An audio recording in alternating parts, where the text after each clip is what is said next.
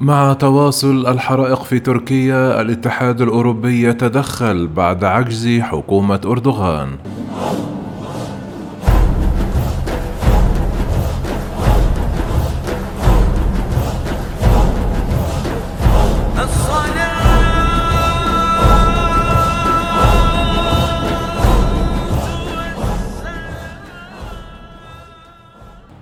مع تواصل الحرائق في تركيا سارع الاتحاد الأوروبي إلى مد يد العون الاثنين لإخماد النيران المشتعلة منذ أسبوع وأودت بحياة ثمانية أشخاص وفقمت الضغوط على الرئيس رجب طيب أردوغان. وسط حرائق مماثلة في أجزاء مختلفة من جنوب أوروبا. أتت حرائق الغابات التي تجتاح منتجعات ساحلية تركية تطل على المتوسط وبحر إيجا على مساحات واسعة من الغابات وأدت إلى إجلاء السياح من فنادقهم. كما امتدت تداعيات الكارثة إلى أبعد من الغابات إذ عرضت أردوغان الذي يخوض انتخابات خلال عامين قد تؤدي إلى تمديد حكمه لعقد ثالث إلى موجة انتقادات لاستجابته التي بدت بطيئة ومنفصلة عن الواقع. تعرض الرئيس التركي إلى انتقادات شديدة خصوصا نهاية الأسبوع لرميه أكياس الشاي للسكان أثناء قيامه بجولة في إحدى المناطق الأكثر تضررا فيما رافقه عدد كبير من عناصر الشرطة. كما كشفت الحكومة على أنها لا تملك طائرات مخصصة لمكافحة الحرائق ويتعين عليها بالتالي الاعتماد على المساعدة الخارجية لمكافحة النيران. كما شكر وزير الخارجية التركي مولود شاوش أغلو بروكسل الاثنين لإرسالها طائرة من كرواتيا وطائرتين من أسبانيا. كذلك أفاد الاتحاد الأوروبي بأنه يتضامن بشكل كامل مع تركيا في هذه الأوقات الصعبة للغاية في رسالة هدفها إظهار حسن النية بعد عام من الخلافات بين الطرفين.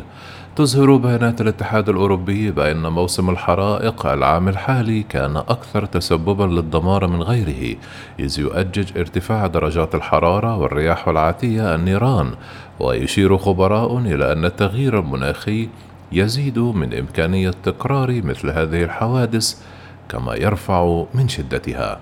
وحمل مكتب أردوغان في البداية مخربين مسؤولية الحرائق التي تعد الأسوأ في تركيا منذ عقد على الأقل. لكن ما لبثت أن تبخرت هذه النظرية مع ارتفاع عدد الحرائق.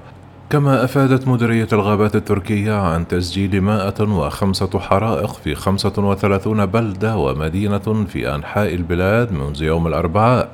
وأشارت إلى تواصل اشتعال سبع منها الاثنين معظمها على مقربة من مدينتي أنطاليا ومرمريس السياحيتين. شهد فريق فرانس بريس في مرمريس المطلة على بحر إيجا ألسنة اللهب تتصاعد من قمم التلال المغطاة بالغابات بينما بدت السماء حمراء داكنة خلال الليل فيما ملأ الدخان الجو وسط حرارة بلغت نحو أربعون درجة مئوية. كما حذرت هيئة الأرصاد بدورها السكان من رداءة نوعية الهواء فيما عانى قاطنون من صعوبات في التنفس في حين بقي متطوعون من دون نوم عدة أيام وهم يحاولون مساعدة عناصر الإطفاء المنهكين على إنقاذ الغابات التي أشار خبراء إلى أن إعادتها كما كانت ستستغرق أجيالا. وقال إفران أوسكان الذي يقطن مرمريس من أمام مركز للمساعدات أقيم على جانب طريق مؤد إلى التلال المشتعلة إنها كارثة. مضيفا لا يمكن للعديد من سكان مرماريس مثلي النوم بسلام بينما تشتعل هذه الحرائق. وتأهبت قوارب الإنقاذ قرب شاطئ مرماريس لإجلاء أي أشخاص في حالة اتسعت رقعة الحرائق إذ لم يعد من الممكن دخول المدينة. وقال أوسكان علينا أن نتحلى بالمسؤولية حيال أراضينا لمنع احتراق مستقبلنا لكن الوضع سيء جدا للغاية.